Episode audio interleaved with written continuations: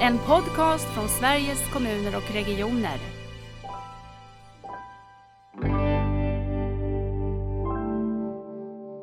Den senaste varumärkesmätningen vi gjorde visade att 99 procent av svenska folket känner till 1177. Länge, så det var en gigantisk, det är så svårt att tro idag, men det var en gigantisk utmaning att driva fram ett gemensamt varumärke. Det fanns inte på kartan som för då i början av 2000-talet.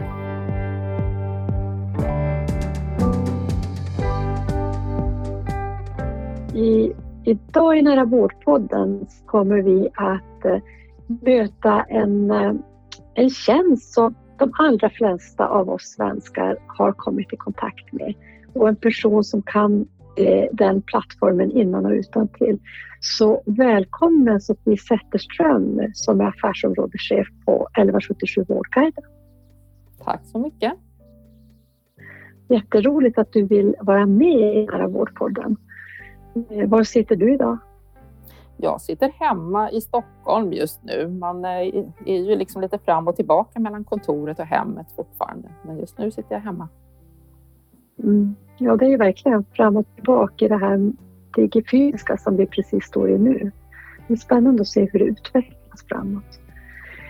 Sofie, du har funnits med länge och eh, får man säga att du är lite mamma till 1177? Ja, det kan man väl få lov att säga. Jag känner mig ju så. Jag brukar ju tänka att eh, 1177 är lite grann mitt livsverk på ett sätt, men jag har ju också själv lärt mig otroligt mycket av 1177. Så det är ett givande och ett tagande. Men jag har varit med från början och drivit fram hela den här utvecklingen från start sedan slutet av 90-talet mm. och det har ju varit helt fantastiskt. Ja, det är ju fantastiskt. Jag tänker på det här med mamma då, föräldraskap. Det är också någon relation som man också lär sig av i ett sånt, i ett sånt förhållande. Så jag tänker att det är klart att man förstår att du har lärt dig mycket under resans gång. Berätta vem du är Sofie, så vi mm. vet lite mer om dig. Ja, jag... Eh, för väldigt länge sedan så utbildade jag mig till eh, beteendevetare för att jag inte riktigt visste vad jag ville göra. Och mitt första mm. jobb var på Försäkringskassan där jag skulle ansvara för återrehabilitering av långtidssjuka. Och jag var jätteung och det var väldigt svårt och eh, också otroligt eh, lärorikt. Man mötte många människor i många olika situationer och fick en väldigt nyanserad bild av hälsa kan man säga. Man kan må väldigt bra och vara väldigt sjuk eh, och man kan också må väldigt, väldigt dåligt och vara kliniskt frisk. Så att det var utmanande. Mm.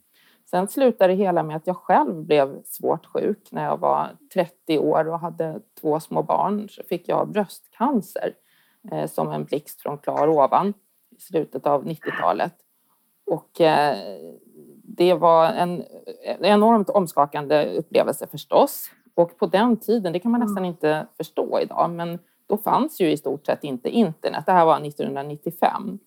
Eh, utan man gick till mm. biblioteket för att försöka förstå sin situation. Och eh, jag fick någon...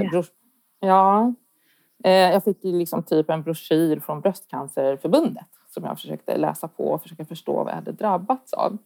Det där gick ju tack och lov bra, men jag fick ju med mig väldigt, väldigt mycket tankar efter den här omskakande upplevelsen kring att vara patient och att vara i den mm. situationen där man drabbas av någonting som man inte vet någonting om. Eh, så efter det så vidareutbildade jag mig inom internet och multimedia kan man säga och jobbade med min webbinformation. Det här var ju internets barndom. Och på olika trassliga vägar så blev jag headhuntad till det som skulle bli Inera och 1177. Eh, då 1999 var det. Eh, och då hade jag ju med mig den här erfarenheten ganska färsk. Så jag hade en otroligt stark vision om vad jag ville göra med den här webbplatsen som alltså var det absolut första uppdrag som vi hade. Inera var ju då det första regiongemensamma bolaget någonsin. Det fanns liksom inget etablerat samarbete mellan regionerna utan man bildade ett aktiebolag för att ta fram en webbsida med patientinformation Det kan man tycka idag låter overkill. Liksom. Webben är ju, det är ju självklart för oss, men det var ju en helt annan värld då. Så att det var starten på Inera och det var starten på 1177 fast det hette något annat då. Så att där har jag ju bidragit med att kunna liksom få möjligheten att bygga upp det som jag hade behövt i min situation. Det vill säga att få den här både djupa och breda informationen Eh, om hälsa, om sjukvård, om patienträttigheter, om behandlingar och undersökningar, om prognoser på ett empatiskt sätt utifrån patientperspektivet. Så det har ju varit en sån otrolig förmån att få vara med och driva fram det här fantastiska konceptet som vi har idag.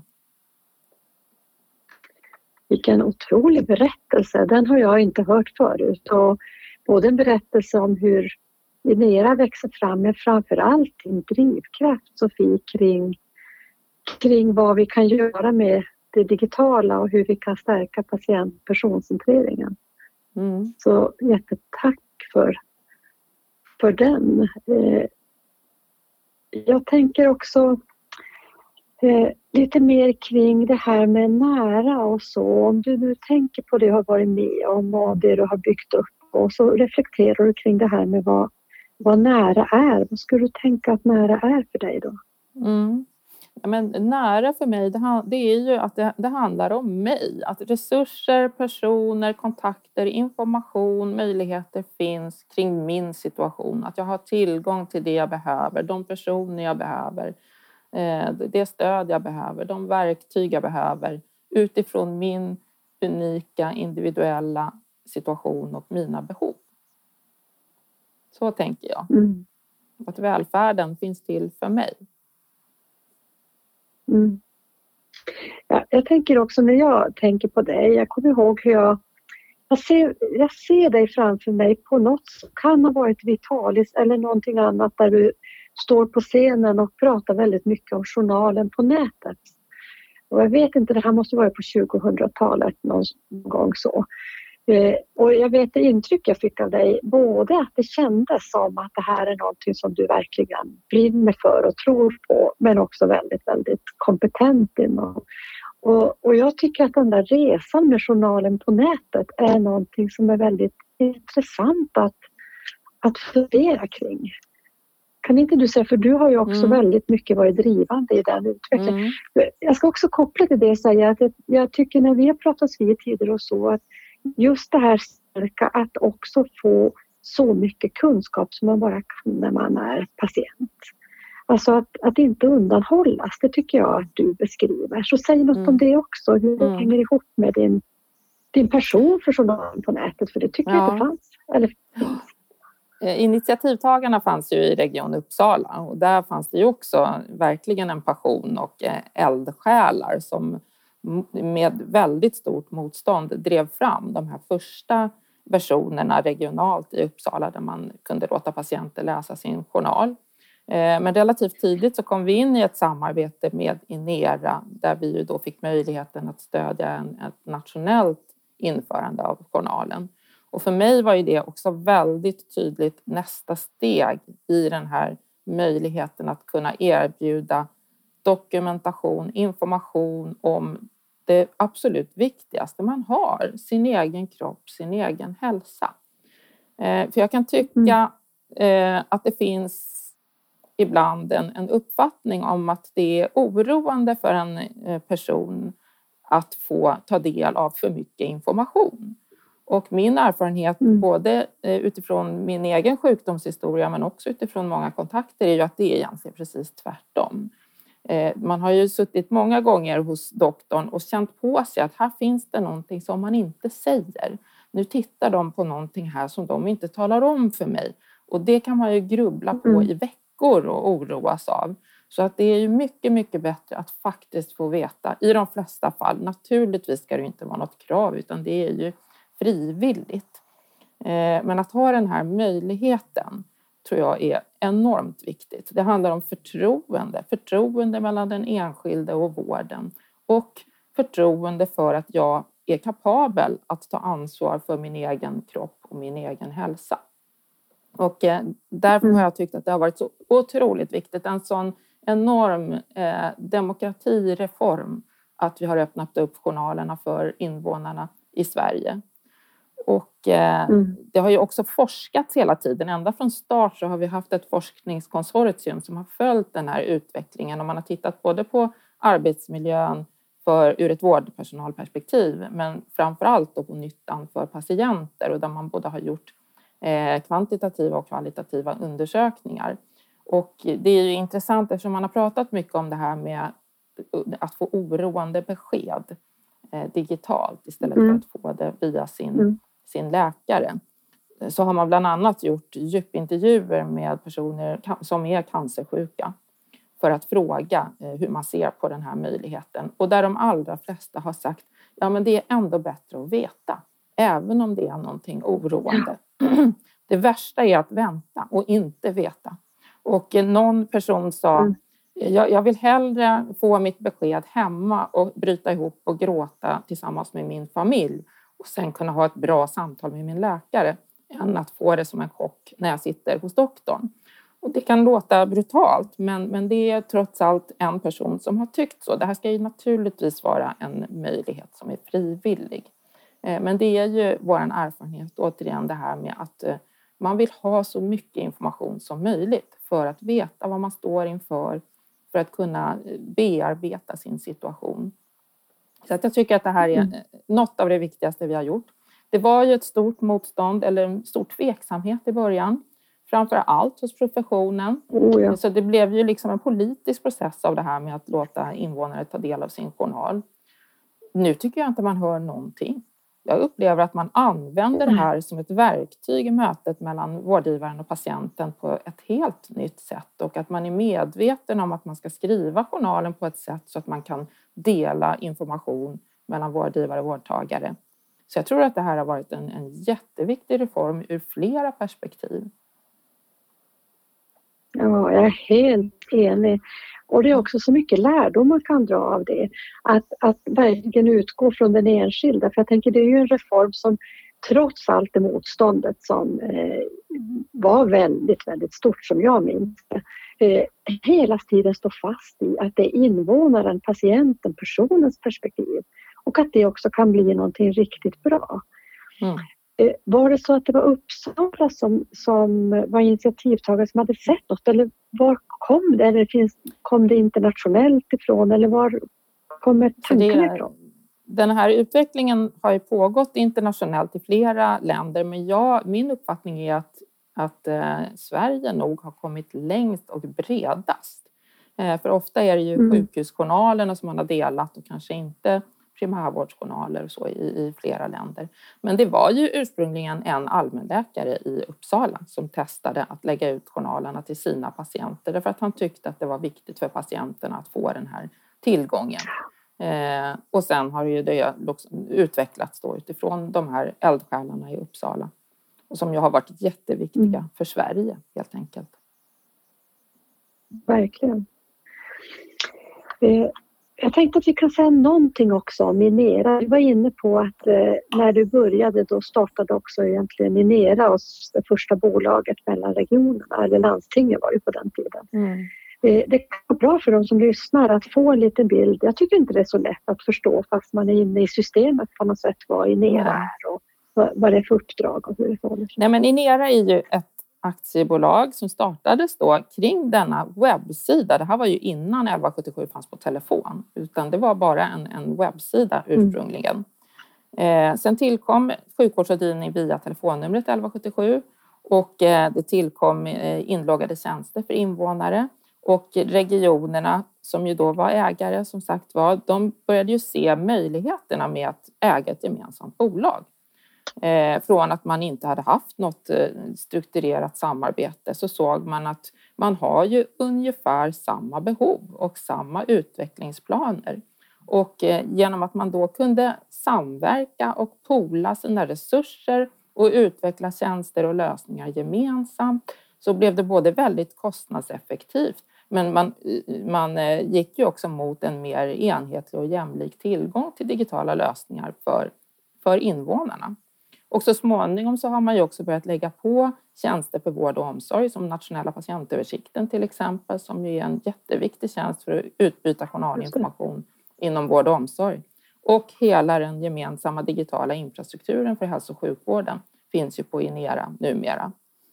Så att, eh, och de sista åren har vi ju dessutom fått in både SKR som huvudägare och eh, alla kommuner. Så tanken är ju att eh, våra tjänster ska kunna breddas även till kommunens olika välfärdsområden med start inom hälso och sjukvård, socialtjänst, men vi tittar också på skolan. Så att det här har ju varit en helt fantastisk mm. utveckling i sig också, oavsett 1177. När vi startade bolaget i slutet av 90-talet, då var vi tre anställda. Och nu är vi 350 anställda kanske och jobbar ju med nätverk av flera tusen över hela landet. Så att det är en jätteverksamhet. Mm. Så att det har, har varit en resa i sig. Verkligen. Om du skulle säga något om tjänster som Minera kan tillhandahålla, du var inne lite på det, men säg också någonting om det. Vad finns det för tjänster? Mm. Alltså dels har vi ju hela infrastrukturområdet som ju egentligen går ut på att eh, vårdgivarna ska kunna använda vilka lösningar och system och leverantörer de vill. Men det vi gör det är ju att vi stödjer dem med standarder och plattformar för att man ska kunna knyta ihop systemen så att de ska kunna prata med varandra. Och, och vi tar också fram där gemensamma lösningar för säker identifiering av vård och omsorgspersonal och eh, kataloger för olika typer av, av masterdata kring organisationer, personer, medarbetaruppdrag. Så det är ju liksom grundläggande förutsättningar för att man ska kunna agera och få tillgång till den information och de system som man behöver i sin vanliga verksamhet. Det är en jätteviktig del av vårt uppdrag. Eh, sen tar vi också fram då, som jag sa, tjänster för medarbetare som nationella patientöversikten, som tjänsten Pascal mm. som ju är en, en tjänst för förskrivning av dosdispenserade läkemedel. Eh, vi har svenska informationstjänster för läkemedel. Det är också en kunskapstjänst, så en hel del kunskapstjänster tar vi fram. Eh, och sen har vi då hela området eh, 1177 som ju är ett helt koncept av tjänster och lösningar på webb och telefon för invånare där man ju både kan som sagt var få ta del av kunskapstjänster och kvalitetssäkrad information om allt som man kan tänkas behöva när man hamnar i en, en eh, vårdsituation. Eh, man kan genomgå internetbaserad behandling. Man kan som sagt var läsa sin journal. Nu under pandemin har det varit väldigt stort fokus på provtagning där man har via 1177 kunnat beställa provtagning och få sina provsvar eller boka tid för vaccination. Så det är ju ett jätte, jätte område. Mm. Och eh, väldigt mycket nytt på gång. Vi driver också väldigt mycket utveckling. Eh, vi har ju under de senaste åren drivit eh, ett helt programområde som kallas för första linjens digitala vård och som delvis har varit ett, ett mm. regeringsuppdrag också, även om det initierades av, av regionerna. Och som ju också handlar om att stödja och bygga ihop invånarflöden i första linjen, det vill säga om man är i en situation där man inte har en etablerad vårdkontakt eller man drabbas av någonting och man vet inte riktigt om man borde söka vård och vart man ska vända sig. Det vill säga det som sjukvårdsrådgivningen väldigt mycket tar hand om normalt. Eh, har vi tagit fram digitala lösningar för. Eh, och syftet är ju där att både förbättra tillgängligheten för invånarna så att man ska hamna rätt snabbt med hjälp av digitala lösningar men också att eh, regionerna och deras vårdgivare ska kunna samverka bättre, kanske pola resurser under obekväm tid så att man kan skapa virtuella pooler av barnläkare, mm. till exempel nattetid eller under helger eller andra kompetenser. Bygga ihop flödet helt enkelt och stödja samverkan. Det är ett jätteområde som verkligen inte alls bara handlar om mm. teknikutveckling utan i första hand handlar det om verksamhetsutveckling nya arbetssätt, nya samarbetsformer. Oerhört spännande. Mm. Och riktig tjänsteutveckling, alltså tjänster mm. på nya sätt, verkligen mm. med, med invånarna i fokus. Jag, jag börjar med att säga att det här är någonting som de allra flesta svenskar ändå känner till. 1177 är ju ett, ett starkt varumärke. Hur många kontakter har, hur många människor har kontakt med 1177? Har du några sådana siffror? Ja, alltså nu under pandemin har det ju varit helt exceptionella siffror. Har, den senaste varumärkesmätningen vi gjorde visade att 99 procent av svenska folket känner till 1177. Så det är ju ett av Sveriges mm. absolut starkaste varumärken. Eh, 9,5 miljon personer har ett konto på 1177 och har någon gång varit inne och eh, utfört olika tjänster och ärenden. Och eh, vi har omkring 30 miljoner besök i månaden på 1177.se av personer som både vill hitta information eller logga in och beställa provtagning eller läsa sin journal eller vad det nu kan vara, boka tid i vården.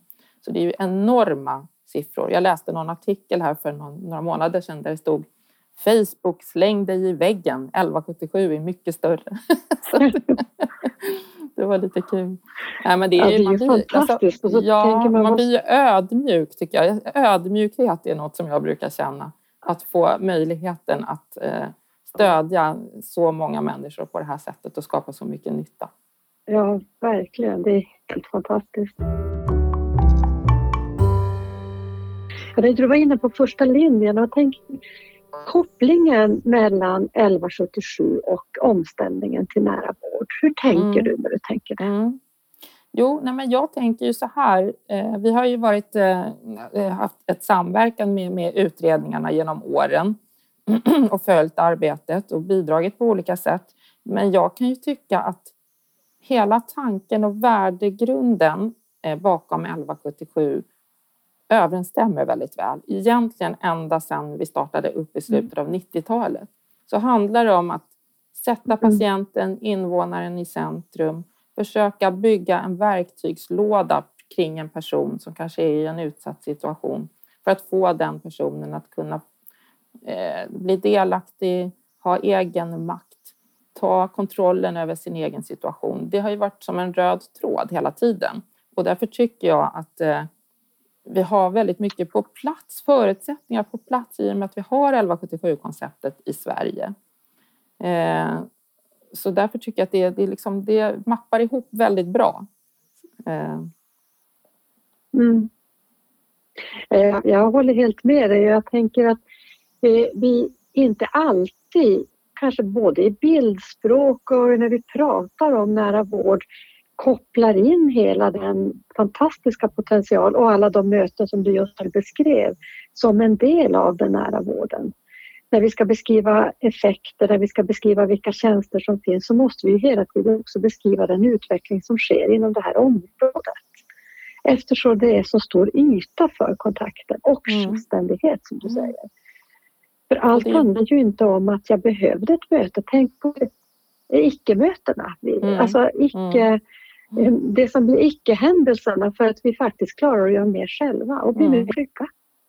Och det har ju varit en röd tråd, verkligen. Just det där med att erbjuda information, stöd så att man ska kunna agera självständigt. Själv boka sina tider, själv se sina provsvar, själv ta mm. reda på information, eh, vara aktiv, eh, kunna ta ansvar för de som kan och vill förstås. Så att, eh, nej, men det, mm. så jag tycker ju att det är väldigt mycket som överensstämmer där. Mm. Sen så ska man ju framhålla också mm. att 1177 är ju precis som den nationella infrastrukturen som vi tillhandahåller så är ju 1177 också ett fönster mot alla vårdgivarnas bakomliggande system och alla vårdaktörer. 1177 är ju så att säga inte någon mm. självständig aktör utan 1177 är ju den offentligt finansierade vården. Du kan nå vilket vilken vårdaktör mm. som helst via 1177. Du kan boka tid i vilken tidbokningssystem som helst eller läsa journalen i vilket journalsystem som helst. Så det är ju också en, en fantastisk möjlighet det här med att man knyter ihop vårdprocesserna och man kan eh, skapa en överblick över en vård och omsorgsprocess oavsett vilka aktörer som är inblandade. Mm. Det är ju en, en lång resa och mycket har utvecklats. Vad har varit absolut största utmaningarna tycker du, under den här utvecklingsperioden? Alltså, ofta är ju de största utmaningarna eh, attitydförändring och förändrade arbetssätt. Eh, det är ju natur, jag ska inte förringa eh, utmaningar i teknisk utveckling och integrationer mellan olika system, men det kan man ofta lösa. Eh, utmaningen är ju att lita på. Jag, jag, jag, brukar ofta ta som exempel tidbokning där man kan tycka att i alla andra mm. sammanhang så har man möjlighet att boka sina egna tider och få in tider i sin egen kalender och ha en överblick. Eh, när det gäller vården har det ju varit enormt trögt. Möjligheten att kunna boka tider via 1177 i primärvården eller den öppna vården, det har funnits i tio år. Eh, och det ökar ju hela tiden användningen, men det är ändå långt ifrån alla tider som är tillgängliga. Och eh, det där handlar ju både mm. om en, en, en, osäkerhet från vårdgivarnas sida att, så att säga, släppa på sin tidbok. Då brukar vi försöka säga, ja men börja med avbokning och ombokning då och inte nybokning. För att ska man mm. omboka eller avboka då, har, då är man ju redan så att säga kvalificerad. Eh, men då inser man att det handlar om helt andra saker också. Det handlar om att man måste schemalägga sin personal på ett sätt som man kanske inte har gjort. Att man måste ha en planering flera månader framåt i tiden för att kunna tillgängliggöra tider. Så det är ett helt systemskifte när det gäller själva arbetssättet som krävs. Samtidigt som vi vis mm. har visat på gång på mm. gång att det är så otroligt mycket tid och nytta som man kan åstadkomma om man låter invånare boka sina egna tider istället för att man ska sitta och ringa en sjuksköterska och boka in en tid. Eh, jag tänkte på det om, om eh, webbtidboken. Mm. Alltså det är min erfarenhet från Norrbotten också, bara de senaste åren när jag jobbade där. Eh, hur, hur mycket vi faktiskt verkligen skulle kunna göra men hur otroligt ändå svårt det är att få till det. Mm. och få någon, någon frekvens på det som Eh, så det är verkligen att kombinera de här sakerna som måste till. Att jobba så otroligt med arbetssätten och hela nära vårdomställningen är ju egentligen att det är en, inte en organisationsförändring, det, det är nya arbetssätt mm. med, med ett mm. annat fokus. Mm. Och där handlar det nog om att... Det du var på väg att säga både... Sofia något. Ja, nej, jag tänker det behövs både förändringsledning men det behövs ju också en, naturligtvis en efterfrågan från invånarna. Men också en förankring eh, bland de som verkligen jobbar med, med, med verksamheten i sig. Det tänker jag också på just när jag, jag tycker tidbokning är ett bra exempel därför att det är så självklar nytta, tycker jag i alla fall. Eh, och jag, jag minns att jag var på ett eh, regionbesök för några år sedan och där de verkligen hade lagt ner jättemycket jobb just på tidboken och de hade anställt en projektledare som hade varit runt och utbildat och visat på möjligheter och pratat om nytt och effekter och så. Och han, eh, hans erfarenhet var att personalen hade ju själva aldrig, aldrig varit inne på 1177. Så då, då var tröskeln så enormt hög att tänka mm. att man skulle erbjuda tidbokning den vägen. Så att det är ju verkligen ett jättearbete på alla nivåer man måste göra för att börja se möjligheterna med digitalisering. Alltså det är egentligen inte digitalisering eller eh, teknisk utveckling det handlar om utan det handlar ju om samarbetsformer, invånarnas och patienternas involvering, förbättrad tillgänglighet, öka säkerheten, effektiviteten. Det är så oerhört många vinningar som man kan göra om man jobbar med digitala tjänster där det är lämpligt. Vi var på väg att säga någonting också om att du har sett andra utmaningar. Än ja, men det jag tänkte på, eh, som jag också, ja, jag har jobbat så himla länge så att det var en gigantisk, det är så svårt att tro idag, men det var en gigantisk utmaning att driva fram ett gemensamt varumärke. Det fanns inte på kartan liksom för då, i början av 2000-talet att eh, regionerna skulle kunna agera under ett gemensamt varumärke. Eh, och det, så det tog många, många år. Sen har ju det blivit så enormt framgångsrikt. Och vi har ju också eh, skapat den här lösningen där det gemensamma varumärket samverkar med regionerna som avsändare, så det blir oerhört starkt. Jag upplever att de flesta invånare i mm. Sverige vet att det är regionerna, det är den svenska hälso och sjukvården som står bakom 1177. Så idag kan vi tycka att det är självklart, men det är satt långt inne säga. Jag tänkte hur viktigt, jag, jag fick förmånen att lyssna på en forskare som har forskat på digitalt utanförskap. Och eh, i mitt huvud så hade mycket det digitala utanförskapet, det handlar om om de som inte har tillgång till bank-id eller kanske kognitiva nedsättningar och så.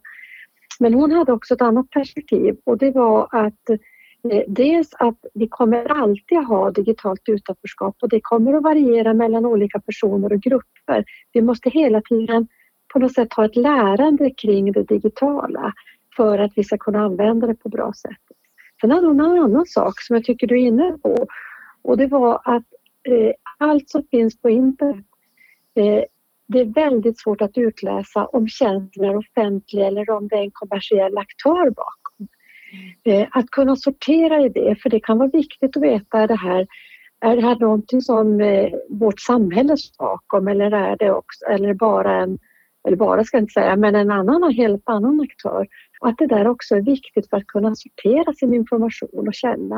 Och då tycker jag att det är när du säger att man vet att det här som finns bakom 1177, det är någonting som jag kan lita på. Jag vet vem avsändaren är på något mm. sätt. Så det har nog inte varit oviktigt med det här varumärkesarbetet. Vad tänker du kring det? Nej, men det har ju varit enormt avgörande och det ser vi ju också. Jag vill verkligen på alla sätt säga att jag tycker att hela inträdet av nätläkarbolagen på många sätt har varit bra och eh, utmanat oss och fått mm. oss att gå snabbare framåt.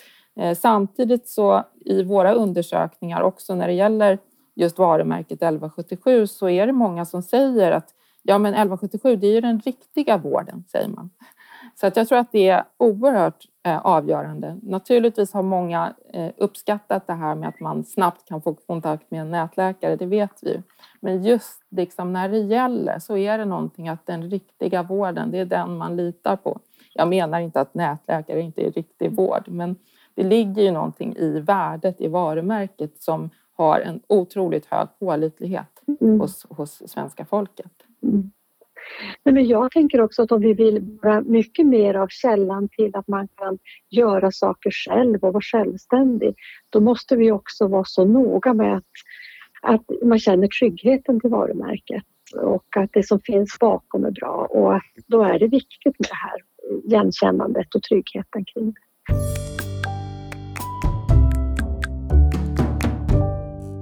Tänkte på det andra perspektivet hon hade om det här ständiga lärandet. För att mm. det digitala utanförskapet kommer när man kanske inte förstår en digital lösning eller någonting annat. Har ni tänkt på sådana saker? Hur vi också som invånare finns väl i, i tjänsteutvecklingen att, att vara användar, på något sätt driven och användarvänlig. Men finns det mer tankar? Mm. Ja, framför allt så jobbar vi ju enormt mycket med informationen för att den ska vara begriplig. Och våran, vi har ju en stor redaktion. Vi tar ju fram all information i 1177.se till exempel själva och har fått priser flera gånger just för att vi är duktiga på klarspråk och begriplighet. Det tycker vi är jätteviktigt. Men sen är det en reform som vi väntar på med, med stor eh, glädje här och det är ju förhoppningen om att ny lagstiftning ska stödja att man får utse ombud.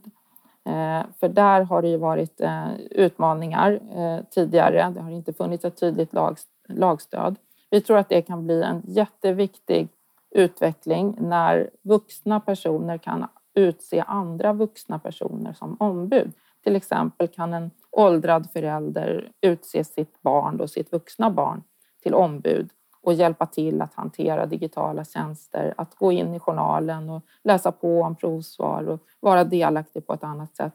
Eh, för nu är det svårt för närstående att, att bidra eftersom man inte har den här möjligheten lagligt att gå in och hjälpa till. Det gäller även för eh, barn och mm. föräldrar att det finns utmaningar. Så att en, en högre flexibilitet för möjligheten att gå in och vara ombud, det tror jag också att kunna hjälpa, kommer att kunna hjälpa det digitala utanförskapet. Eh, för det kommer ju alltid finnas personer mm. som inte är digitala. Ja, spännande. Det är någonting som är på gång. Det är något jag, jag inte jag kan någonting om. Eh, är den på gång som en proposition eller? Nej, det finns ett, ett lagförslag som förhoppningsvis ska bli verklighet då 1 januari nästa år. Mm. Och det tror jag kommer att ha jättestor betydelse just för närstående mm. perspektivet. Just Jag har precis eh, en vecka sedan spelat in en podd med en kvinna som jobbar, som, eh, jobbar på bibliotek och med socialt utsatta. Och jag tänker också att andra samhällsinstitutioners roller för det digitala innanförskapet eller vad ska jag kalla det eh, också blir viktigt. Att det finns platser där vi ser till att eftersom vi går i ett digitalt samhälle så måste vi också ha våra träningsplatser och våra mötesplatser eh, där man kan få stöd och hjälp. Jag tyckte det var så härligt. Jag träffade Eh, mm. Regionernas eh, servicechefer, det här är ett halvår sedan kanske, och vi pratade lite om visioner för framtidens nära vård. Då var det en som sa att det kanske inte är fast läkkontakt och fast vårdkontakt, det kanske också är fast servicekontakt. Eh, för att eh, stödja på något sätt eh, att kunna vara självständig. Jag tyckte det var en härlig metafor. Jag tänker framåt Sofie, när du ser 1177 och, och så tänker vi att nära vården har också, det bygger nära människor, det vet man, det ger både störst aktivitet, det ger också större möjlighet till jämlikhet. Hur ser du 1177s roll i förhållande till primärvård som nav i ett hälso och sjukvårdssystem? Hur ska vi tänka där? Mm. Mm. Nej, men jag tycker ju att eh, eftersom vi har ju en splittrad eh, hälso och sjukvård i Sverige, det vet vi ju. Eh, och eh, som patient, om man hamnar i en situation där man är kroniskt sjuk eller man är multisjuk eller man har eh, komplexa vårdbehov, många vårdkontakter så, är, så blir, får man ju bli sin egen projektledare mm. eller ta hjälp av en närstående att koordinera hela, hela vården. Det, det är ju oerhört utmanande. Och det är ju som jag sa tidigare en sån möjlighet med 1177 att man kan vara det här sammanhållande kittet. Eh, den samlade överblicken över alla journaler, alla provsvar, all information, alla mina vårdkontakter eh, oavsett vilken aktör som är involverad i min situation. Vi har kommit en bra bit där på vägen men det finns mycket som återstår. Och vi har precis eh, tagit fram ett utkast nu till långsiktig målbild för 1177 där vi siktar in oss på 2030. Mm. Eh, som ju du har mm. varit med Lisbeth och bidragit mm. till. Och den är ute nu på remiss i alla regioner där man förhoppningsvis då ska ställa sig bakom den här målbilden.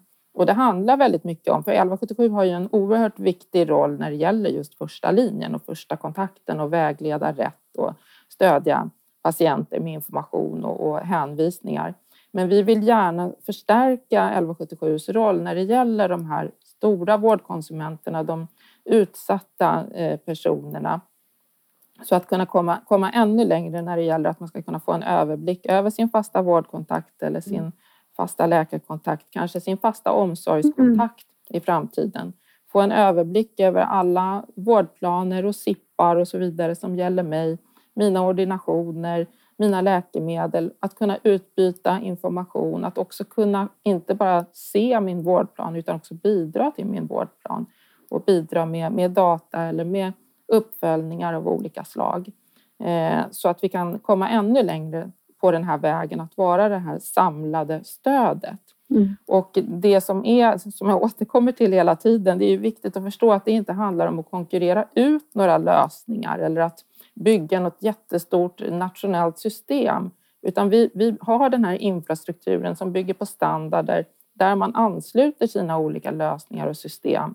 Eh, och vi är ju helt konkurrensneutrala så att vi eh, i 1177 finns privata utförare och det finns regiondrivna och vi håller på med piloter nu och tittar på kommunal hälso och sjukvård.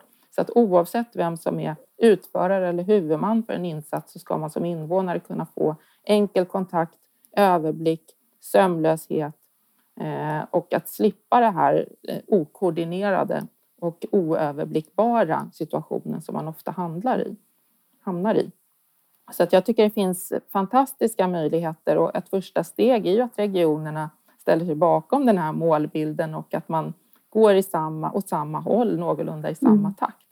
Jag, tycker jag, jag upplever att det finns ett väldigt stort engagemang för det också. Mm.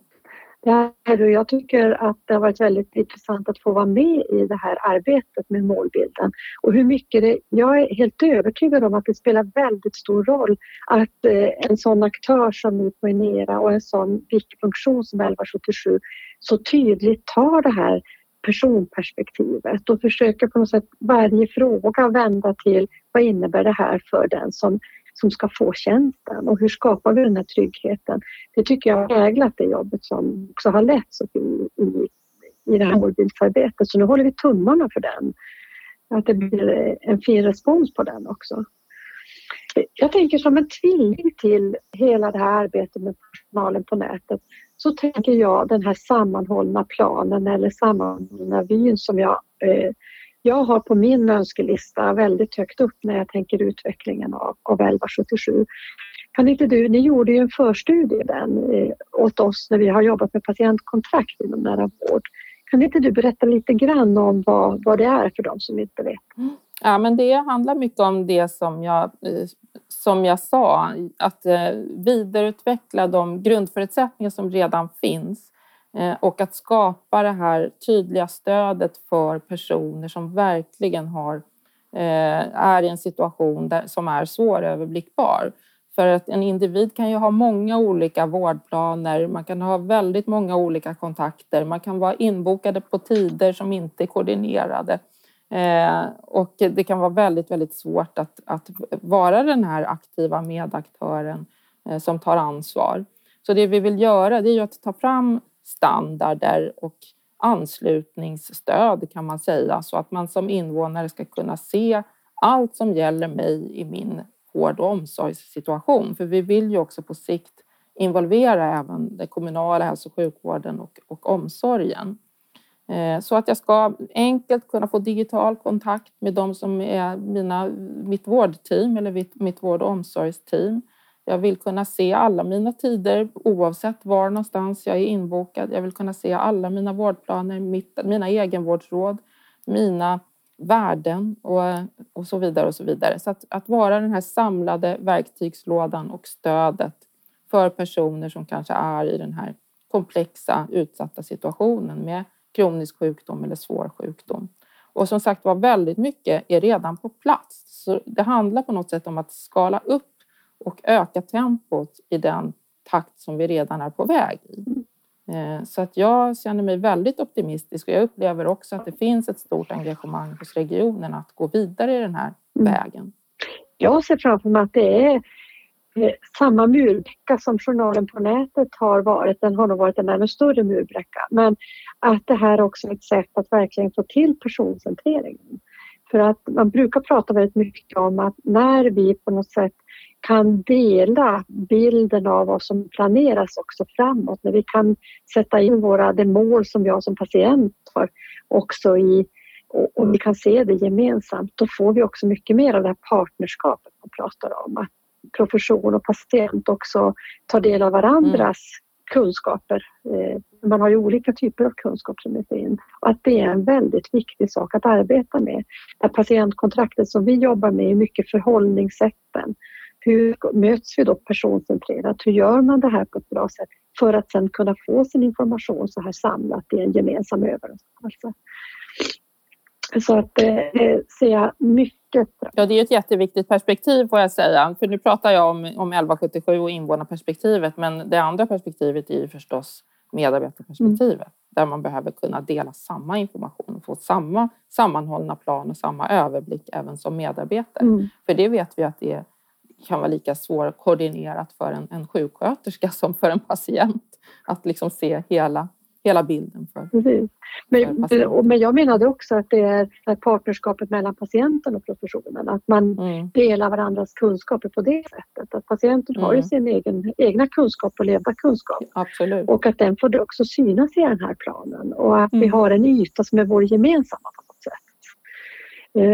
Eh, så att jag, jag hoppas väldigt Precis. mycket på att den inte ska ligga för långt fram i tiden. För vi behöver den. Och vi behöver den snabbt. Mm. Vi jobbar ju också nu med att starta ett projekt inom nära vård eh, som handlar om patientens eget kunskapsstöd. Att eh, ytterligare förutom det som idag finns mm. på 1177 kunna tänka att man också inte bara jobbar med kliniskt mm. kunskapsstöd för professionerna. Och det tänker jag också borde kunna hänga ihop i en sån här sammanhållen vid. Om jag behöver mer stöd för mm. min bröstcancer eller en hjärtsvikt eller vad jag har som jag behöver. Mm brottas med. Hur tänker du kring det? Ja, men det tycker jag är jätteintressant också. Ja, jag tycker det är väldigt spännande just att tänka att man går ifrån det här mera generella men ändå djupgående information som finns på 1177 mm. men att man tar nästa steg och verkligen gör individualiserad information. Mm. Eh, och som man kanske också bidrar själv till med hjälp av mätvärden till exempel, eh, som också kan bidra till bilden av min, min, min, situation som den ser ut just nu. Så jag tror att det finns jättemycket att, att fortsätta med där mm. och som ju också kommer att kunna skapa den här möjligheten till, till eget ansvar och eh, mm. att vara medaktör och, och, ha egen makt. Egen makt pratade vi väldigt mycket om förr. Att... Exakt. Eh, egen makt då. Eh, jag tänker, mm. eh, jag tänker om du fick, jag var med på ett sammanhang där vi hade några personer utifrån som fick beskriva hur den nära vården såg ut. Jag tror det var 2027. Om jag skulle be dig säga vad är 1177 om säg fem år? Hur, hur, vad möter vi då mm. som invånare och patienter? Jag tänker dels att eh, 1177 kommer att vara ännu mer närvarande överallt, ännu mer nära kan man säga än idag. 1177 om man ska prata rent konkret har ju under många år varit lika med Ineras tjänster, nationella tjänster. Eh, men vi har nu en utveckling där regionerna själva utvecklar väldigt mycket lösningar, appar, tjänster som kanske är integrerade med, med verksamheten ännu närmare än de nationella tjänsterna. Där man också använder varumärket 1177 och det handlar ju om att knyta ihop hela ekosystemet, hela liksom erbjudandet, men också att använda det här värdet som varumärket står för, att man ska känna sig trygg som invånare, att det här är den svenska sjukvården, det är samma patientavgifter, det är samma kvalitet, samma säkerhet när man har 1177-loggan på som en slags kvalitetsstämpel. Så det betyder, tror jag, att liksom erbjudandet och närvaron kommer bli ännu större. Mm. Sen så vill jag ju att vi ska fortsätta den här utvecklingen som vi redan är på väg. Eh, som du pratade om, den sammanhållna planen. Vi är väldigt starka när det gäller första linjen.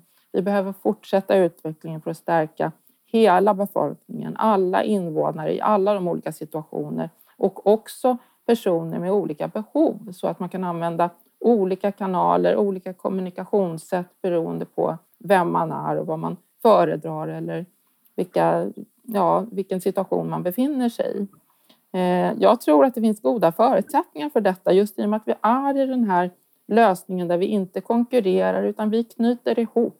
Vi har det här oerhört höga förtroendet, enormt höga användningssiffrorna. Vi är liksom lika med den svenska hälso och sjukvården och vi har ett jättestort engagemang från våra ägare, regioner och kommuner. Så att jag tycker att framtiden ser ljus ut och den här nya målbilden känns också som att det tydligt att vi har en, en ledstjärna nu mot 2030 vart vi ska gå. Mm. Åh, ja, man blir så sugen. Det är verkligen som du börjar med Sofie, det är en, en förmån att få hålla på med så här spännande och viktiga saker i ett yrkesliv också som du har fått göra.